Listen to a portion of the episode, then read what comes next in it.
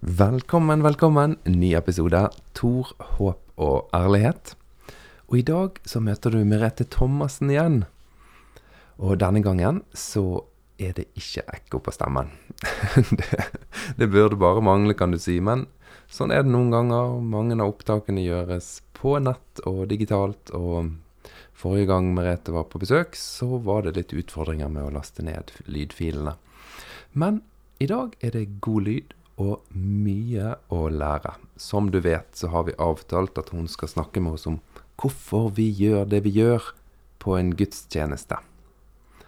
Jeg merket etter hvert som samtalen gikk, at jeg ble mer interessert i holdningene bak gudstjenesten enn akkurat hva vi gjør. Men jeg tror det henger litt sammen. Du får lytte, og så får du gjøre opp din egen mening.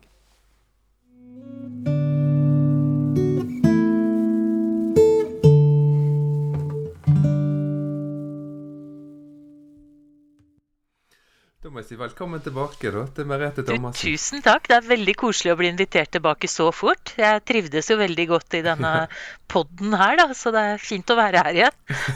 ja, det var godt å høre. Jeg, jeg syns det var veldig kjekt å snakke med deg. Så at du da bare hev deg på og sa at du tok én episode til, det var det var veldig ja, hyggelig. Tusen takk. Det er en stor ære å få bli invitert så fort tilbake. ja, det må jo bety at du har gjort en god jobb. Jeg får jo håpe det, da.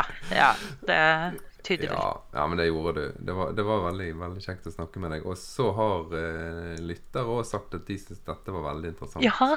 Og at jeg til og med har fått um, meldinger om at folk gleder seg til å lære mer om eh, gudstjeneste. Å, så stas! Det gleder, men gleder ja, mitt hjerte, altså. Ja, det syns jeg er veldig gøy. Ja. Uh. Ja, tenker du at faget ditt er noe som interesserer folk, eller føler du at det er noe som du må holde på med? Nei, jeg syns For det første så jeg er i den heldige situasjonen at studentene eh, som De er litt sånn umettelige på dette faget her. Og det, det, handler jo også om at de skal ut i praksis og være prestevikarer, eller være ute i praksis. Og der, da er de jo veldig ofte mm. usikre på ting. Og det å, det å, mm. øve med de og forstå hvorfor vi gjør sånn og sånn, og hvorfor løfter vi hendene der, men ikke der, og hvorfor snur vi oss fram mm, og tilbake og sånn, det, det, det har de veldig, veldig behov for. Men så, så blir Jeg har jo også blitt invitert eh, litt rundt omkring til menigheter for å snakke om det. Og på mm -hmm. onsdag kveld i forrige uke, da var jeg i Nordstrand menighet. Og da kom det 15 veldig interesserte mennesker som, eh, som, eh, som var vanlige menighetsmedlemmer. Og som, mm -hmm. som satt der og lytta og syntes dette var, var veldig veldig lærerikt og, og sånn. Sa dem i hvert fall. Så det ja. Det som var litt gøy, var jo at idet jeg publiserte den eh, episoden med meg og deg mm sist gang, eh, så eh, fikk jeg en oppdatering på Facebook om at kirken der jeg går, Søreide ja. kirke, de skulle ha kurs, eller en sånn kveld, kveldssamling, der vi skulle gå gjennom hva de ulike leddene i gudstjenesten betyr. Du verden!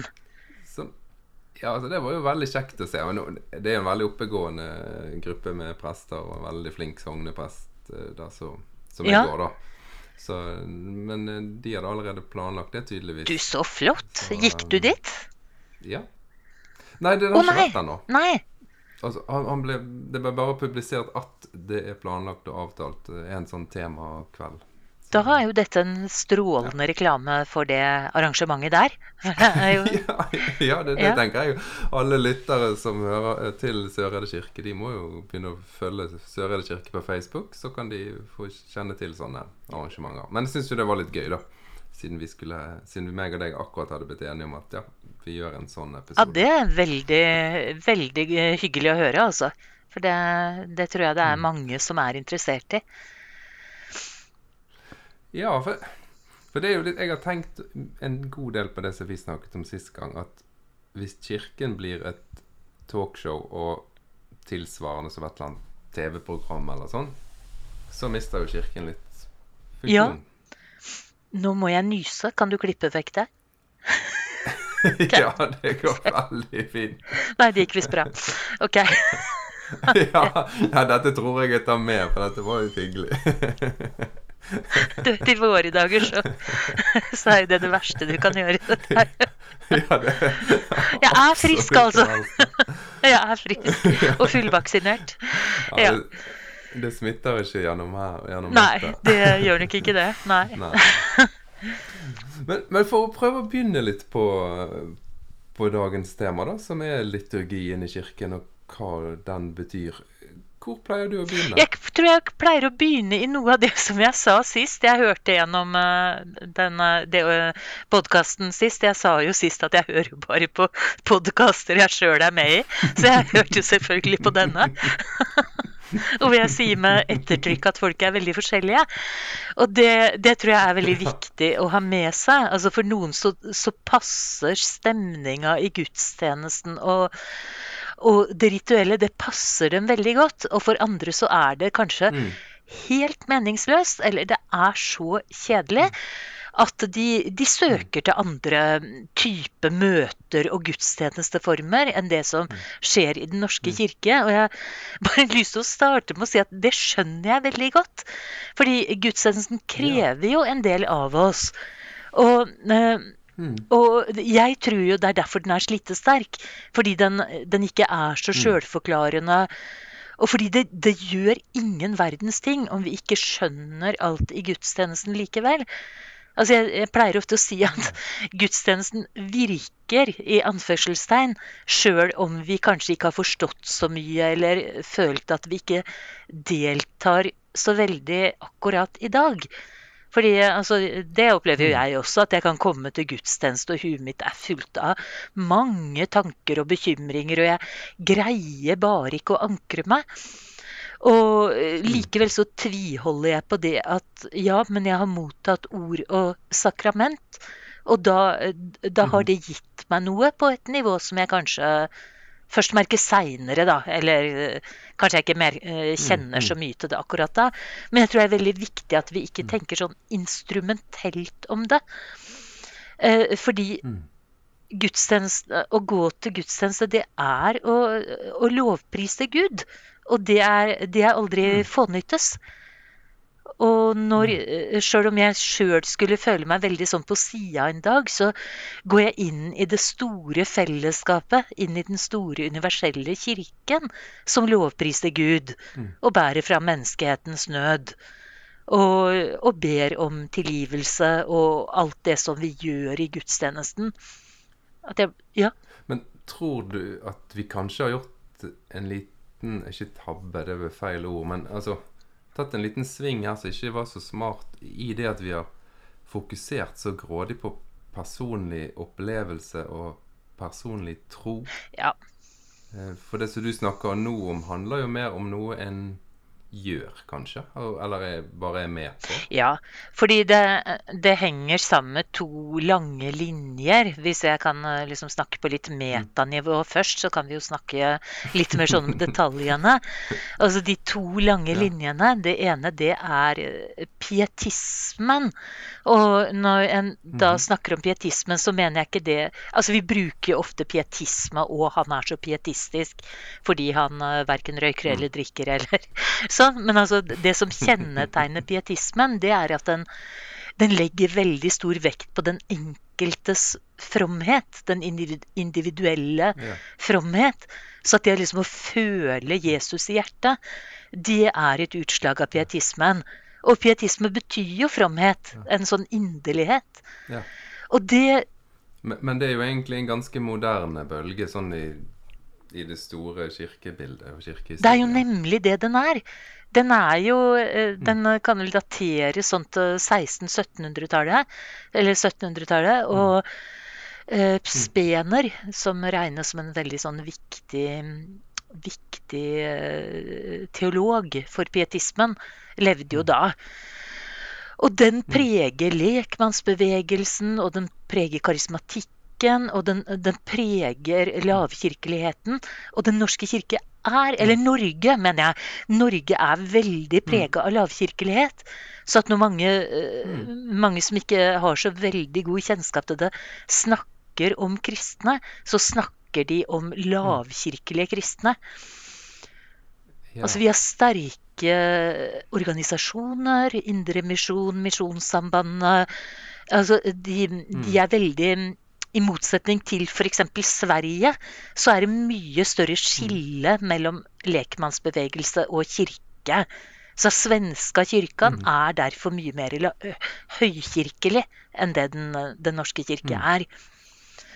Så det er det ene. Og den andre lange linja, den, den dreier seg om det som du, du var inne på, det med individualisme og, og, og det som også med et veldig stort ord kalles for, for moderniteten. Hvor det er meg og følelsene mine og autentisiteten min som er den aller høyeste autoritet. Så, eh, så at vi spør veldig ofte 'what's in it for me'? Og mm. altså hva, hva er i det for meg? Og hvis ikke det er noe sånn umiddelbart meningsfylt i det for meg, så sier vi nei takk. Og mm, så, som Åste Dokka har jo sagt, eller skrevet en veldig Åste skriver jo fine ting hele tida, men uh, s- uh, skru, ja, husker hun skrev en, en kronikk hvor, hvor hun sa at det, altså kirkens spørsmål har jo i veldig mange år vært Eller kirkens problemstilling har vært i mange år det at folk ikke føler seg gode nok for kirken. Og så har vi vært veldig sånn på tilbudssida for å si at du er god nok. Men Åste Åste skrev at ja, men det er egentlig snudd på huet i dag. Fordi folk spør ikke om de er gode nok for kirken, de spør om kirken er god nok for dem. Og det, det er veldig, veldig sant, altså. Ja. ja. Og sånn gjør vi med egentlig alt. Ja, Altså, jeg har jo jobbet mye innenfor ledelse, sant? og da I Norge er jo den helt sånn tydelig at det er jo lederen som må bevise at den er på plass og funker som Ja. leder. For å få tillit hos folk, og så kan vi jobbe sammen. Ja. Eh, mens i andre kulturer så er det gjerne sånn Nei, jeg har en autoritet fordi jeg Ja. er leder. Mens her må jeg bevise at jeg er en leder som funker. Og når, det, når, det, når jeg er en god nok leder, så får jeg teamet til å funke som bare det. Ja. Så, ja, så vi har jo snudd dette. Jeg skal ikke si det er snudd på hodet, for det, jeg syns det er litt fint òg. Vi gir jo veldig plass til enkeltmennesker. Ja, og jeg tror ingen ønsker seg tilbake til den lua i hånda-mentaliteten hvor en var redd for å bli sparka hvis en ikke Nei. gjorde en god nok jobb. Men en uh, kollega og venn av meg fortalte eh, som er leder, hun fortalte jo at de, de Mm. unge nyansatte kom og sa til henne hva kan du gjøre for at jeg skal få lyst til å, gjøre, til å utføre de oppgavene du pålegger meg? og det, Mm. det er Mm. nok veldig Mm. symptomatisk. Og jeg snakka jo sist om min egen arbeiderklassebakgrunn, og altså, det hadde jo virkelig ikke vært et spørsmål der. Der er det jo snakk om å gjøre jobben så godt at du ikke blir kasta på gata. Ja. Ja, så vi er jo glad for endringen, men, men den er jo kanskje litt utfordrende da når eh, religionen vår sier så veldig at det handler om opplevelse og tro og ja, en personlig opplevelse og en personlig overbevisning. Mye mer enn å høre til, da. For når jeg har snakket med noen muslimer, så, så er de mer sånn Nei, men jeg er muslim. Dette er det vi gjør. Vi har ramadan, vi har fredagsbønn, eh, vi har eh, bønnetider. Og, og, og liksom, det, dette er det vi gjør. Ja, nå maste jeg mye. Det var egentlig du som skulle Nei, jeg syns jeg snakker Men- mye. Men katolikker Men- har også mye mer av det samme. At det å, å Mm. være troende, det er å delta i en religiøs praksis. Altså, vi, vi gjør Ja. disse tinga. Vi går til messe, vi ber, ber våre tidebønner og vår rosenkrans. Vi gjør ting. Mens lutherske Mm. Eller protestantiske kristne, får jeg si da, for det er et større begrep enn eh, lutheranere. eh, som innbefatter Mm. veldig mange flere eh, organisasjoner og retninger. Vi har mye mer Mm. vi, vi skal hele tida kjenne etter at, vi, at dette er meningsfullt. Og, og vi er ikke så Mm. opptatt av praksis, fordi det settes ofte opp som en motsetning til det åndsfylte. Altså at det er tomme ritualer. Ja. Det som skjer i kirken, er tomme ritualer. Mens eh, hvis folk ikke Mm. har Jesus i hjertet sitt, så betyr det, så betyr det ingenting. Og, Og Nei, det er jo en vanlig den er en helt Mm. vanlig tanke, og det er jo det som gjør Mm, at jeg har blitt så utrolig glad i ritualene, som da jeg mener absolutt ikke er tomme, men de gir eh, De blir et hvileskjær i en verden hvor en eh, hele tida får veldig mange krav til å kjenne etter sitt eget følelsesliv. Så når vi nå skal snakke mer om eh, ritualene og liturgien, Mm. så tenker du egentlig at dette er noe som vi kan være med på uten å forstå så Ja. Men du tenker allikevel det er greit å Ja. det? Ja, det gir en dybde til Ja. det en deltar i. Men det som er viktig for meg å liksom si innledningsvis, det er at um, altså, eh, Gud, ifølge luthersk teologi, så virker Gud gjennom nådemidlene. Og nådemidlene er ord og sakrament. Og i den lutherske kirke så har vi to sakramenter, Mm. dåp og nattverd. Katolikkene har mange flere, de har sju. Men eh, i løpet av en gudstjeneste så, så blir vi Så tiltaler Gud oss med sine nådemidler. Og det, det er et sånt nullpunkt, eller et eh, eh, ja, et startpunkt for gudstjenesten at første handling, initiativet til gudstjeneste, kommer fra Gud. Så at når vi går til Ja. gudstjeneste, så går vi fordi Gud har kalt oss til gudstjeneste, og for å motta nådemidlene, ord og sakrament. Og da vil det, altså da vil evangeliet, det vil, eh, det vil leses, og det vil forkynnes. Og selv om, jeg, selv om preken er dårlig den dagen, og selv om jeg kanskje tenkte på hva jeg skal lage til middag eh, etterpå, i stedet for å høre så veldig etter, så er det allikevel et eller annet vil jeg ha fått med meg. Og nattverden, den Når vi deltar i den, så har vi faktisk fått Jesu kropp og blod, som er gitt til, gitt til soning uh, for alle våre synder, og til, til nytt liv og løfte om det evige liv. Og det er jo veldig store perspektiver å ha på denne tørre slash seige brødbiten som, eh, Ja. som ofte klistrer seg fast i ganen. Det er et veldig stort problem.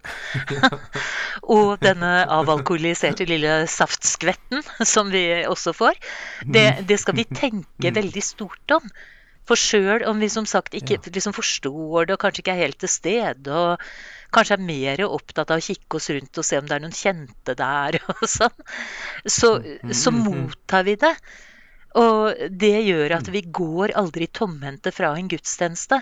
Sjøl om vi kanskje både er sure og lei oss og, og veldig adspredt, så, så er det noe som er gitt oss den dagen.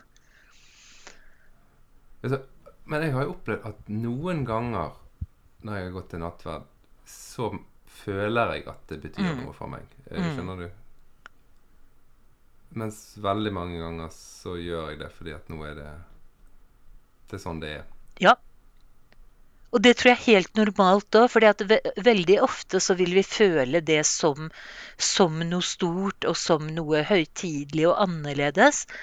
Eh, og andre ganger så gjør vi ikke det. Vi bare, vi bare gjør det. Fordi vi er vant til å gjøre det. Men det er jo også he helt normalt. Og at det er liksom grader på en skala av oppmerksomhet. Det, det er en helt alminnelig del av det å være et kristent menneske. Men, eh, men vi må aldri tenke at det var bortkasta. Fordi i dag kjeda jeg meg eller irriterte meg over sidemannen eller Eller hadde andre bekymringer eller tanker. Så er det, det er aldri bortkasta å gå til gudstjeneste. Fordi du går inn i den store, den store sammenhengen, den universelle kirke, som svarer på Guds kall ved å gå til gudstjeneste. Mm. Er det andre liturgiske elementer, er ikke det det heter, som du eh, har lyst til Så du begynner med når du, når du forteller om dette? Ja, altså jeg, eh, Det at vi feirer Jesu oppstandelse, er også en sånn veldig viktig overskrift på gudstjenesten. Og mm. altså Vi kan jo ta litt grann liturgihistorie, da. Fordi altså Ja. den urmenigheten, de var jøder. Og de, de brøt jo ikke med jødedommen. Og etter, eh, etter at Jesus hadde dratt opp til himmelen på Kristi himmelfartsdag, så står det i apostlenes gjerninger, og også i, ja, i apostlenes gjerninger særlig, som er liksom den eldste kilden vi har til kunnskap om den første kristne gudstjenesten, det er at de, de fortsatte mm. å gå i tempelet eller synagogen mm. for å be. Mm. Og, og, så samla de og, Altså øh, Shabbat, uh, sabbaten, den, mm. den, var jo da, uh, og er stadig, fra sol, solnedgang fredag til solnedgang lørdag. Så at lørdag var jo mm. da en, en hellig dag en gudstjenestedag for, for, de første kristne.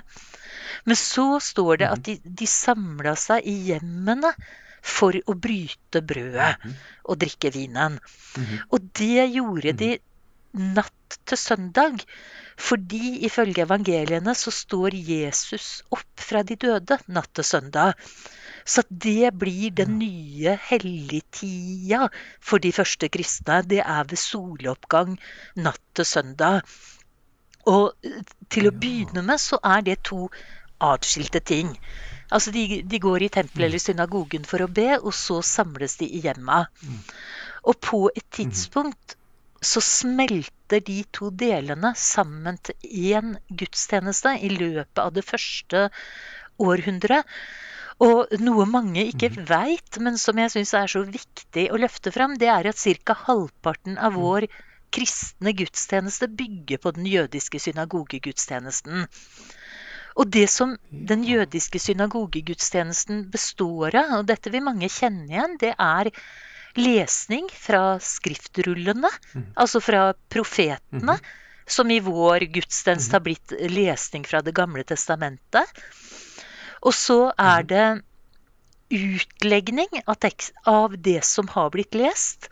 Og det tilsvarer prekena. Og så er det den store mhm. forbønnen, hvor man ber for alle nødlidende og ber for Guds rikes eh, fremme og vekst osv. Og, så og alt dette har vi med mhm. oss fra synagogegudstjenesten. Og altså, De første kristne hadde jo ikke noe Nytestamentet å lese fra. De, de, første, de eldste brevene i Det nye testamentet er jo fra 50-tallet. Og mm. eh, Paulusbrevene og de, de, tidligste evangeliene er fra denne perioden. Og så er det jo tekster som er mm. helt, uh, helt fra 80-tallet. Og så begynner mm. de jo etter hvert å lese disse brevene fra Paulus og lese be beretningene om Jesu liv og virke, som da er det, de som, det som vi kjenner som evangeliene i dag. Det, men man bygger på strukturen fra synagogegudstjenesten. Ja. ja. Men da er det vel en 60-70 år etter Jesu død? Ja, det er det. Absolutt, altså. Så det tar, det tar sine tiår, det, før dette begynner å, å smelte sammen. Altså og det, det som jeg nå kalte for eh, Eller det som er arven fra synagogegudstjenesten, det heter nå i vår mm. gudstjeneste orddelen. Ja. Og den, eh, den begynner med den begynner, med lesningene. Nå skulle jeg gjerne hatt en powerpoint her, altså. Mm. Men det, det Får prøve å følge med som best dere kan. Ja. de, de som hører på deg nå, de er ute og går tur med hunden, eller uh, gjør oppvasken, eller sitter på bussen. Så noe powerpoint Nei, men da, da, da, er det, det er like greit, altså. For den orddelen, den starter med 'La oss høre Herrens ord', eller det, det heter det ikke mer etter gudstjenestereformen, men det står skrevet i. -hmm. Og så begynner, begynner, vi da å lese fra Det gamle testamentet. Og så kommer da eh, ofte en salme, og så kommer en tekst mhm. fra et av brevene i Det nye testamentet. Og det er Paulus brev mm. eller Johannes' åpenbaring eller noe sånt. Og så mhm. kommer høy, det første av to høydepunkter i gudstjenesten kommer under lesningen mhm. av evangeliene. Og det markerer vi nå ved å synge et hallelujavers. Vi reiser oss. Mange steder er det en mhm. evangelieprosesjon hvor, eh, hvor evangelieboka da, den bæres ofte ned til menigheten for å markere det som er kristendommens kjerne, at ordet ble kropp og tok bolig iblant oss. Altså når evangeliet leses, så flytter ofte presten eller tekstleseren seg ned til menigheten for å vise at uh, det er Du som leser gresk nå, vet jo da at det, mm -hmm. det Altså man sier ofte at det spente ut sine teltplugger blant oss, ordet. Mm -hmm. Og ordet er mhm. Jesus. Mm -hmm. Og så mhm. utlegges da evangeliet i en preken. Og så kommer et mhm. litt, noe som er litt seinere tillegg. Det er trosbekjennelsen. Eh, hvor vi ofte, ofte, reiser oss og bekjenner troen, hvis ikke det har vært dåp først. Og så kommer den mhm. store forbønnen som innledes med 'la oss be for mhm. kirken og verden'. Og der følger vi strukturen fra synagogen. Det er en ganske stor del. Og så, så, går vi over til neste hoveddel, og det er nattverden. Det som mange kaller arven fra den øvre sal. Altså disse to hoveddelene i gudstjenesten snakker vi ofte om som arven fra synagogen eller arven fra den, og arven fra den øvre sal. Der hvor nattverden blir innstifta. Mm. Og så Disse to delene er de eldste i gudstjenesten. Og jeg skal komme litt mer tilbake til Kyrie eleison og sånne ting. ja, det skal jeg gjøre. Ja, ja. Det er veldig mye gøy der, altså. Og så er jo da kristendommen stadig en minoritet i Romerriket.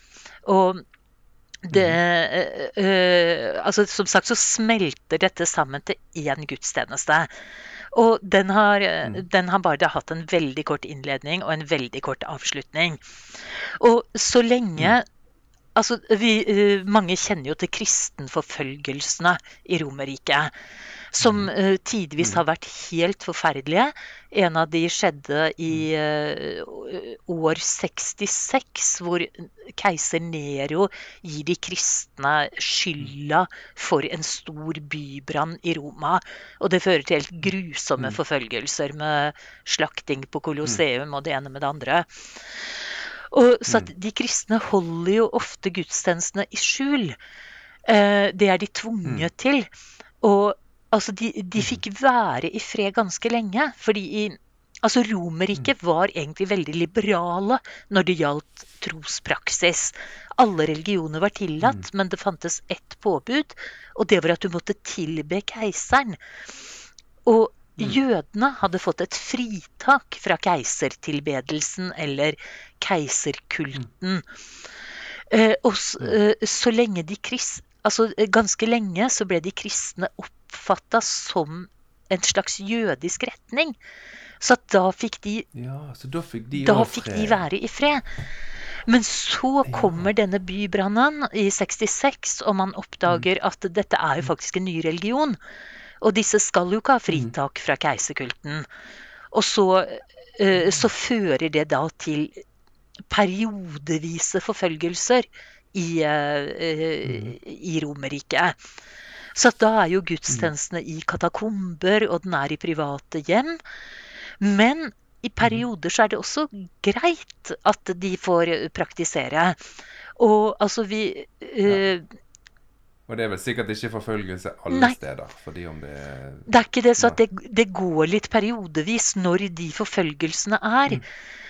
Men så mm. går det da nesten 300 år, og så eh, mm. Keiser Konstantin han er den som, mm. som, åpner for at de kristne skal få en, en foretrukket rolle, faktisk, i Romerriket. Så i 313 så blir eh, kristendommen en, faktisk en privilegert religion.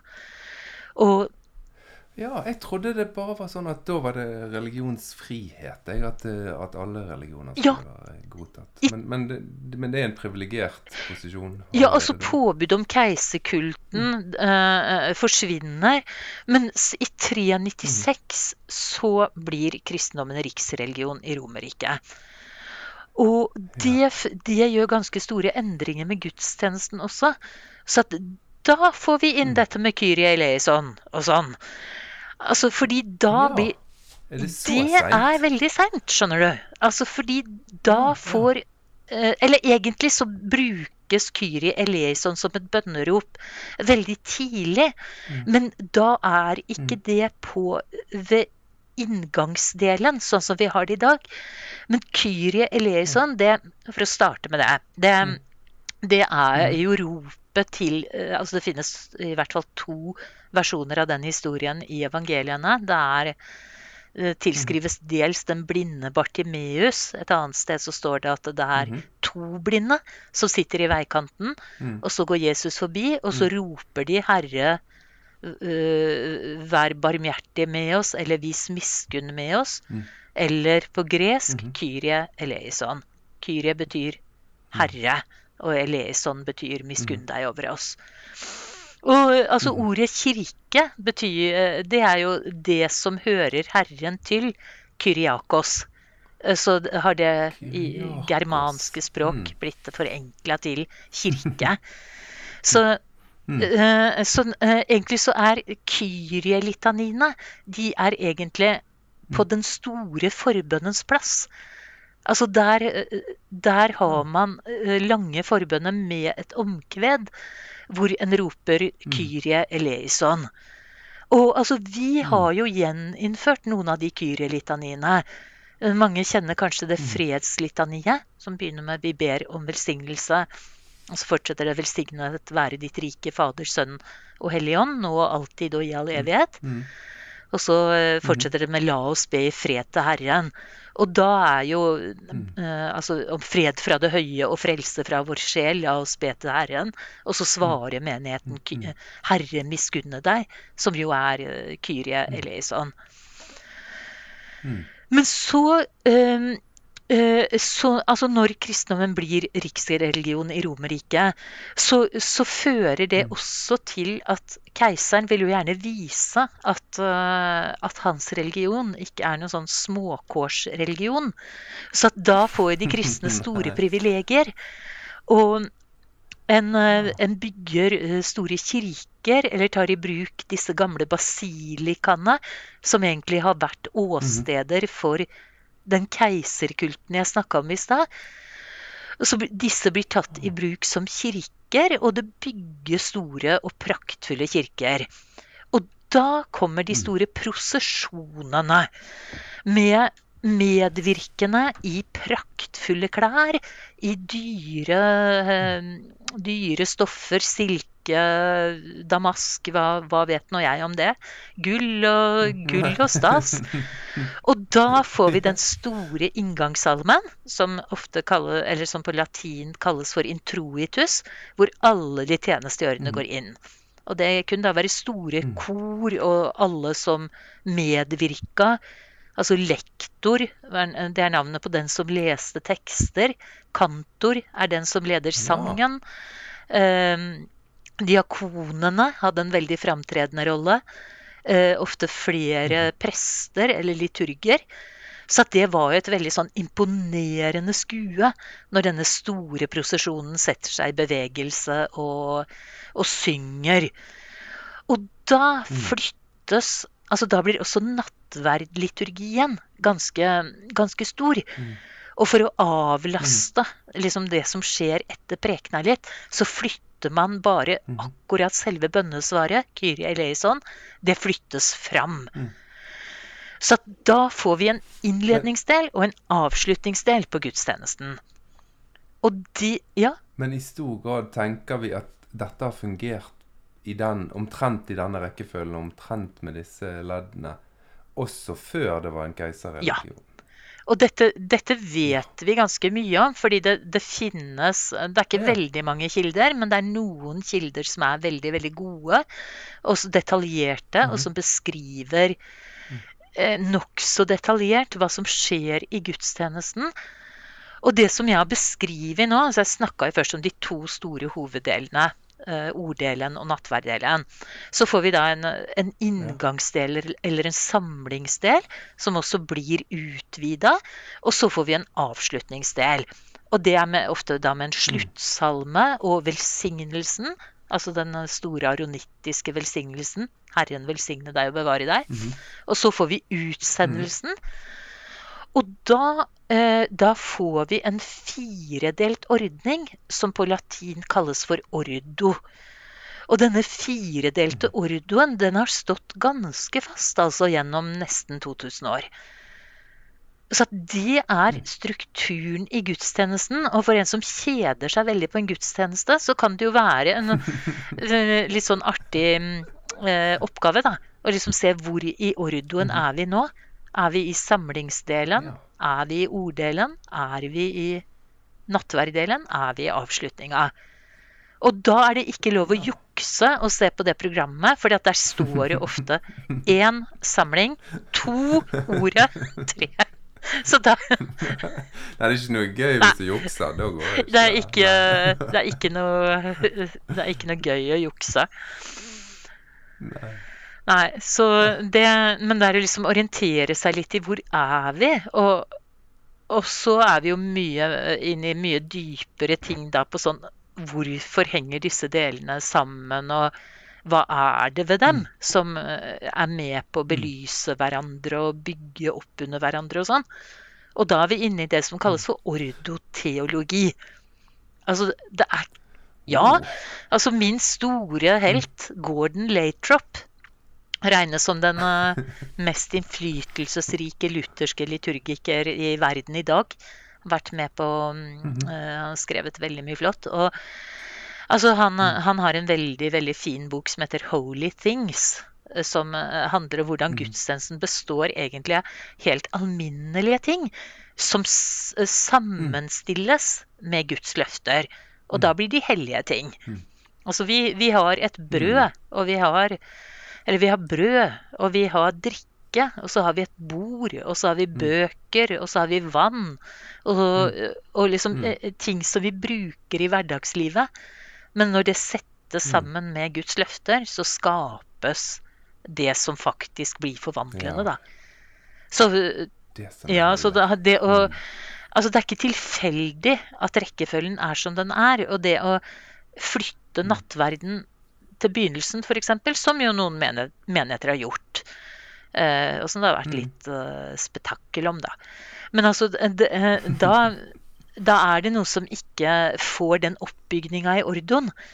Så ordoteologi er, eh, det er et tema kanskje for spesielt interesserte, men altså noe som jeg bl.a. jobber litt med. Og som er en viktig del av det å få kjennskap til gudstjenesten. Men, men du nevnte så vidt sist gang at uh, de kristne hadde tatt til seg det som de syntes var fint. Ja. Husker du du brukte Ja. det ordet? Ja. Eh, Kan du si litt om Ja, det? jeg, for jeg sa jo at uh, altså den nattverden særlig, den er ganske påvirka av den romerske keiserkulten og altså romersk seremoniell. Og øh, altså nattverden, bare det å deschiffrere nattverden er jo en kjempejobb. For den, øh, den, den består jo av utrolig mange ulike bønner og, og ledd. Men altså, vi, vi, vi, by- nattverden den innledes med at vi samler inn penger, faktisk. Og det er ikke fordi vi skal betale for å gå til nattverd, som noen tror. Men det er fordi vi skal gi alt vi kan avse for at det skal kunne gis til de som trenger det bedre enn oss etterpå. Og så ber vi, takker vi for disse gavene, og så går vi over i det som kalles for prefasjonsdialog. Som er 'Herren være med dere, og med deg være Herren'. Ja, det synger vi Ja, hver gang. dette er veldig kjent. Løft deres hjerter. Sursum corda heter det på latin. Og mm, vi løfter våre hjerter til Herren, og så kommer et rop fra den romerske rettssalen. Det er verdig og rett. Og, og, også Altså, de derre tilropa er veldig sånn typiske fra det romerske seremonielle. Eh, Altså det som vi i, i folket, eh, ikke presten, men det som vi sier, det er typisk romersk. Altså, det er typisk den, den romerske kulten på den måten at at det sitter en folkemengde der som gir sitt bifall. Og Og, Ja. og det, eh, altså det får vi også Altså hele gudstjenesten er jo prega av det. Altså Nå er det riktignok ikke begreper fra det romerske seremonielle, men altså Amen, sier vi. Hosianna, Mm, mm. halleluja. Eh, Det er Mhm. verdig og rett. At det kommer sånne tilrop eller bifall som, eh, som er en sånn eh, Du kan si modellen er veldig inspirert av det romerske seremonielle. Så ja, Maranata. Alt dette. Ja, for all sånn gudsdyrkelse i Romerriket før kristendommen og utenom jødedommen, eh, det var vel templer altså uten mennesker til stede? Ja, men keiserkulten, der Altså, det, dette er veldig omfattende og, og veldig interessant. Men altså, når du ser på pave, pavestolen, så, så er terminologien nesten 100 henta fra keiserkulten. Altså, under keiserkulten så hadde man et bilde av keiseren. Og den som Mhm. eh, øh, som skulle representere keiseren. Og den som leda keiserkulten, altså den som var ypperste prest, eller hva man skal kalle det, lød navnet Pontifex Maximus. Og hvem er det som kalles Pontifex Maximus i dag? Jo, det er Il Papa, eh, paven. Og, eh, og keiserens råd ble kalt for kurien. Og altså min veileder på doktoravhandlinga, Geir Hellemo, som også var eh, sjefen min i veldig mange år, han, hans doktoravhandling heter 'Kristus på keisertronen'. Og han undersøkte hvordan de tidlige basilikaene, i stedet for å ha en representasjon av keiseren, tar inn en representasjon av Kristus. Altså alt, alt Eller ikke altemaleriet nødvendigvis, men krusifikset. Eller jo, også ofte mosaikker. Men altså kunst, den tidlige kirkekunsten, den, der framstilles Jesus på en måte som keiseren da har vært eh, framstilt på. Og, og altså basilikaen De som greier å se for seg den, det er den som har en sånn rund form i enden. Apsis. Det er jo en eh, Altså, det ble modell for, for kirkebygginga seinere. At vi har liksom denne Mhm. denne halvsirkelen som eh, ofte er plassert mot øst, og hvor da avbildninga av keiseren, eller representasjonen av keiseren, blir erstatta med representasjonen av, av Kristus. Og så er det da presteskapet som, eh, som da går inn i rollen Eller går inn som kristne prester i stedet for å være en del av Istedenfor å være eh, seremonimestere i keiserkulten. Mm. Hva tenker du? Sy- Syns du det, det er liksom en sånn Litt sånn degradering av eh, det vi holder på med? Det at det er en kopi av det som var gjort i keiserkulten? Nei, jeg tenker at det er sånn kristendommen er. At vi, eh, vi Jone Salomonsen, god kollega her, hun sier jo alltid at liturgien har ikke falt ned fra himmelen. Og altså, Det er ikke sånn at vi plutselig fikk overlevert en ferdig liturgi, men altså liturgien har blitt til. Eh, og gjennom mange ulike sånne kulturelle påvirkninger. Og eh, altså, vi, eh, vi klipper og limer, men det som er viktig, er at det er noe som står veldig fast her.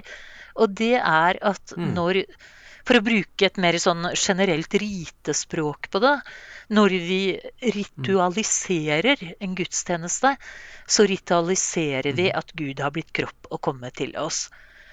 Og det skjer gjennom lesninga og forkynnelsen av evangeliet, og det skjer jo i en veldig merkbar form under nattverden. At uh, er, da er det ikke bare abstrakt, men da får vi brød og vin i hånda med ledsaga av ordene 'Dette er min kropp. Dette er mitt blod'. Mm. Mm. Så at vi, vi har ikke Altså, øh, eh, altså vi kan gå tilbake i gammel tid for å prøve å finne noe som ligner så mye som mulig på det, det eldste. Men det eldste vil også være påvirka av ting før seg. Så vi, vi, er jo mennesker i verden. Og vi er mennesker i en kultur. Og gudstjenester rundt omkring i verden er jo også veldig påvirka av sin kultur. Og sånn må det være. Vi har ingen annen måte å gjøre det på. Mm. Fikk du noe å tenke på nå? Nei, det er sant. Ja, ja. ja jeg, jeg, liker dette jeg. Jeg syns dette Jeg syns dette er veldig kjekt å, å høre litt om. Jeg, jeg, eh, jeg tenker litt på dette med salmesang. Det er jo òg veldig sentralt i gudstjenesten. Mm. Har det alltid vært sånn? Det har alltid vært salmer, men salmer er veldig typisk luthersk. Altså, det er nok den store arven, eh, av, eller de mange store arvene vi har fra reformasjonen. At salmesangen mm. blir, blir, viktigere og viktigere. Så at i de, ja, de, lutherske og de andre protestantiske kirkene så er det nok ofte mm. mer salmesang og mer salmediktning enn eh, enn det er i f.eks. katolske og ortodokse kirker.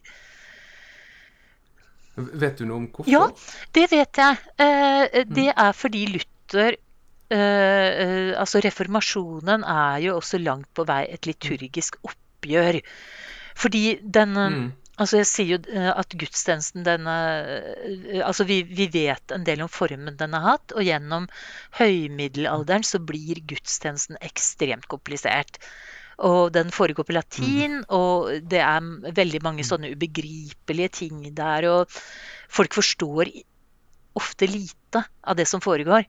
Det er ikke dermed mm. sagt at det ikke var dypt meningsfullt å være med, men, men altså de forsto lite. Så at Luther eh, avviser eller hva skal man si, Luther sier jo mange, han sier mye rart. Og han sier også en del selvmotsigende ting. ja, men, han, ja, men han har sagt så enormt mye at han må få lov å ha sagt en del rart. Ja, det tenker jeg òg. Og han sier jo også at han ja. mener at uh, kristne trenger egentlig ikke gudstjenesten, men som et vitnesbyrd for de ikke-troende, så kan det være fint. Men så, sier, ja, men så sier han jo også at gudstjenesten den skal lyde på folkemålet.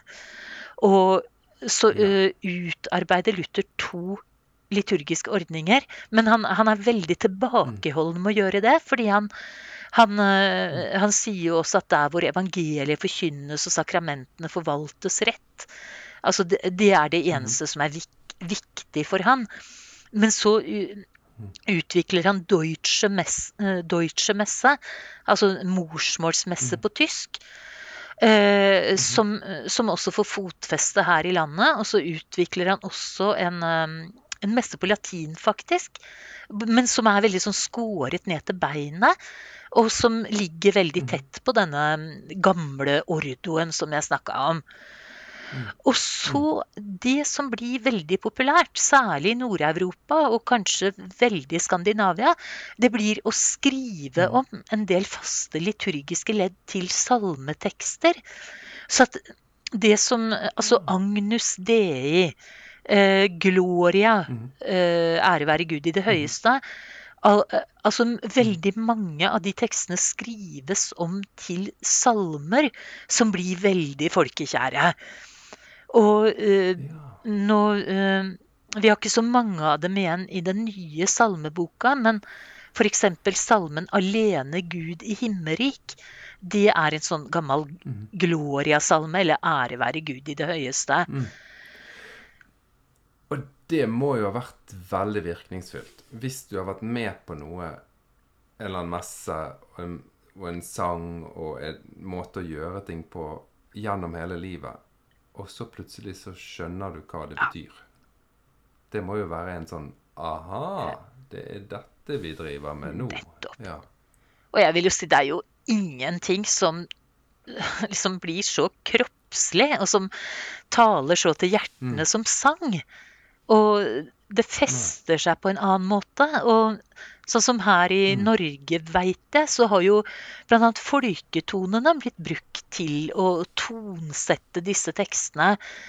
Så når en snakker om kontekstuell teologi, som jo er veldig populært i våre dager, så har jeg lenge drømt om at uh, noen kunne forske mer på dette med salmer og folketoner.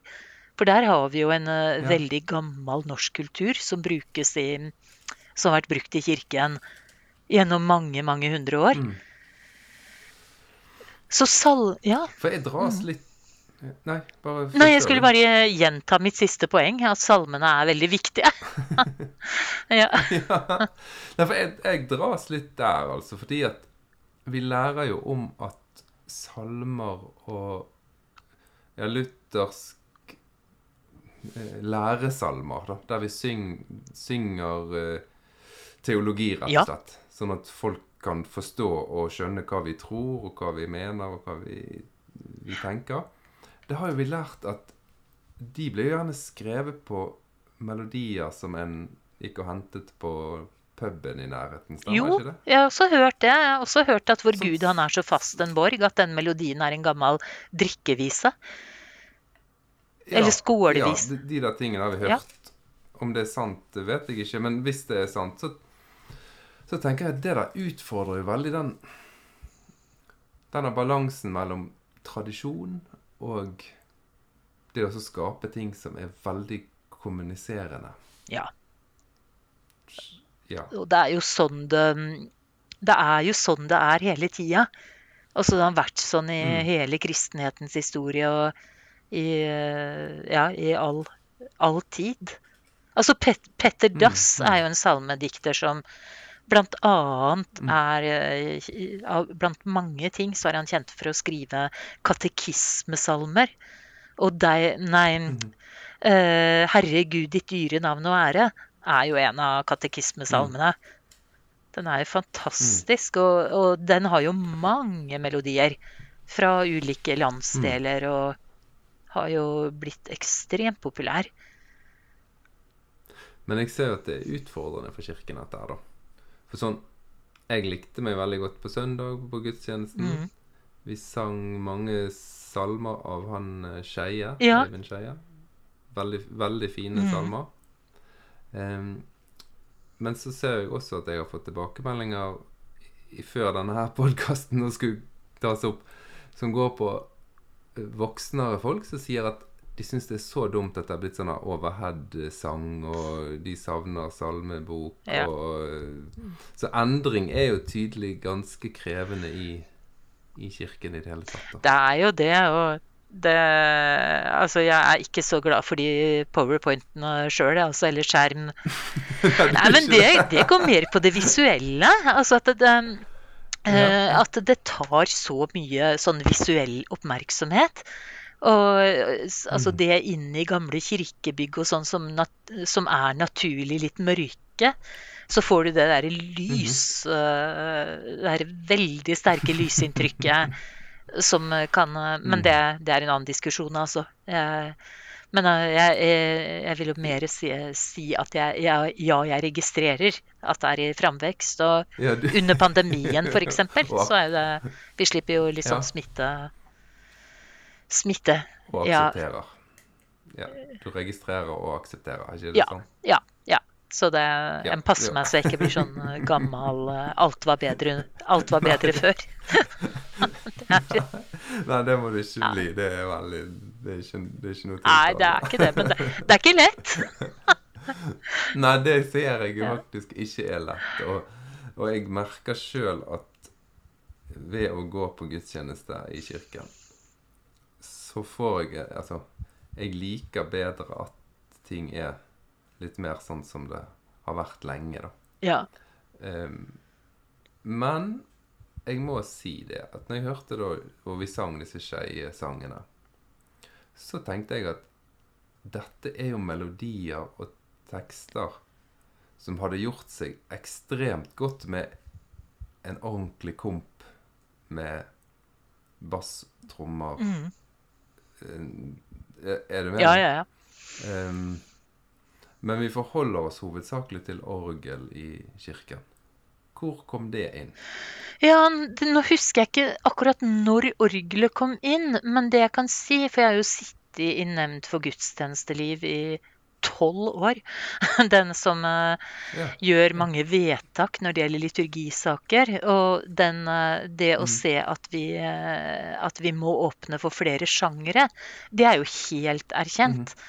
Og nå har vi jo til og med fått én mm. liturgisk sånn serie. Altså når vi snakker om liturgiske serier, så er det det vi synger Kyrie mm. eller sånn og, og sånn på, som er tilrettelagt for annen instrumentering enn orgel. Og inntrykket mitt er jo òg at veldig mange kirkemusikere er veldig fleksible og kan, kan mye. Mm. Men så, mm. så, ligger det meg jo også på hjertet at de, mange av de som er rågode, de har gått på Musikkhøgskolen og Griegakademiet og har bånnsolid mm. utdanning i orgel. At det er ikke bare å mm. kaste seg over et keyboard og, og sette seg ned heller, altså. Nei. Så det som jo er et tema nå, det er vel mer sånn kompetansekrav til kirkemusikere. At en eh, kanskje mm. må, eh, må, se litt på hvordan utdanningen legges opp. Men det veit jeg er en kjempestor mm. diskusjon. Så det den, den skal jeg ikke si for mye om, for jeg kjenner ikke godt nok. Men jeg ser jo at det er mange det er en del musikk som, hvor, hvor, en med fordel kan bruke andre instrumenter enn orgel. Og det er, det er ikke sånn at orgelet er hellig. Det er det ikke. Nei. Nei, Nei for, men, men, de har vært ved, med gudstjenesten i Norge i flere hundre år. Det må det ha vært. Å, du vet hva, det kan jeg ikke svare på. Uh, men jo, noen hundre år har orgelet vært der. Men da har det jo ofte vært sånne mm. gamle trøorgel som uh, Eller hvor du ja. må dra belgen dra belgen. Mm. Uh, ja. Må, jeg må nesten si jeg har en tante og en onkel som er organist i kirken. Ja. Og Så jeg var på besøk hjemme hos de nå her en dagen. Og han eh, mannen der, han har bygget et kjempestort kirkeorgel i hele spisestua. Helt opp til taket. Ja. Det er helt nydelig. Så, jeg har jo en Hva si Jeg kjenner at ja, jeg, jeg kan like mm. dette. Men, men jeg dras jo litt mellom den, den følelsen av hvordan Altså kommunikasjon i andre sammenhenger. Jeg har jobbet mye med salg og markedsføring. Og, mm.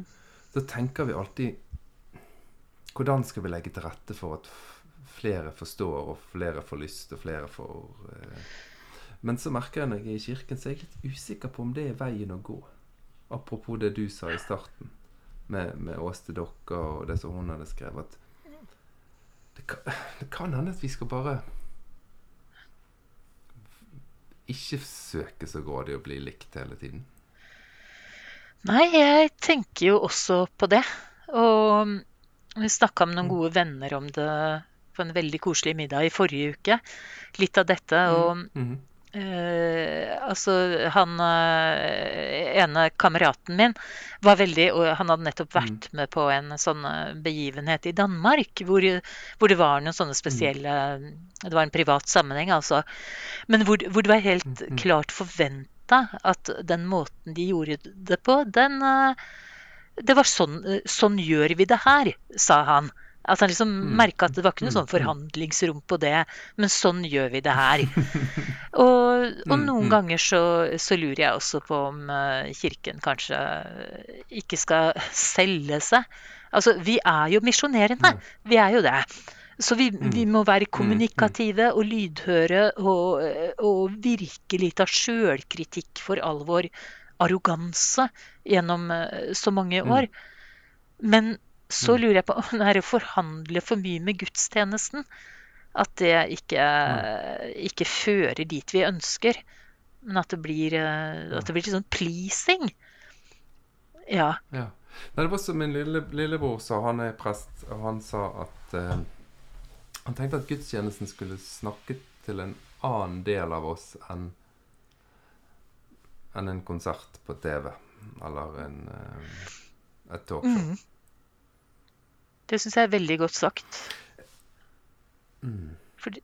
Er det noen, noen deler av eh, liturgien på en vanlig gudstjeneste du skulle ønske du kunne endret nå?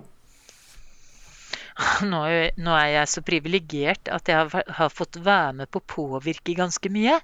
Fordi jeg sitter i Nemnd for gudstjenesteliv og, og Men eh, det som, jeg, eh, det som opptar meg veldig, det, det, er jo kanskje mer å formidle at det gjør ikke noe om ikke en forstår alt, og det gjør heller ikke noe om en ikke mm. liksom føler så mye hele tida. Men at vi. Altså at gudstjenesten også er et sånt Sånn gjør vi det her.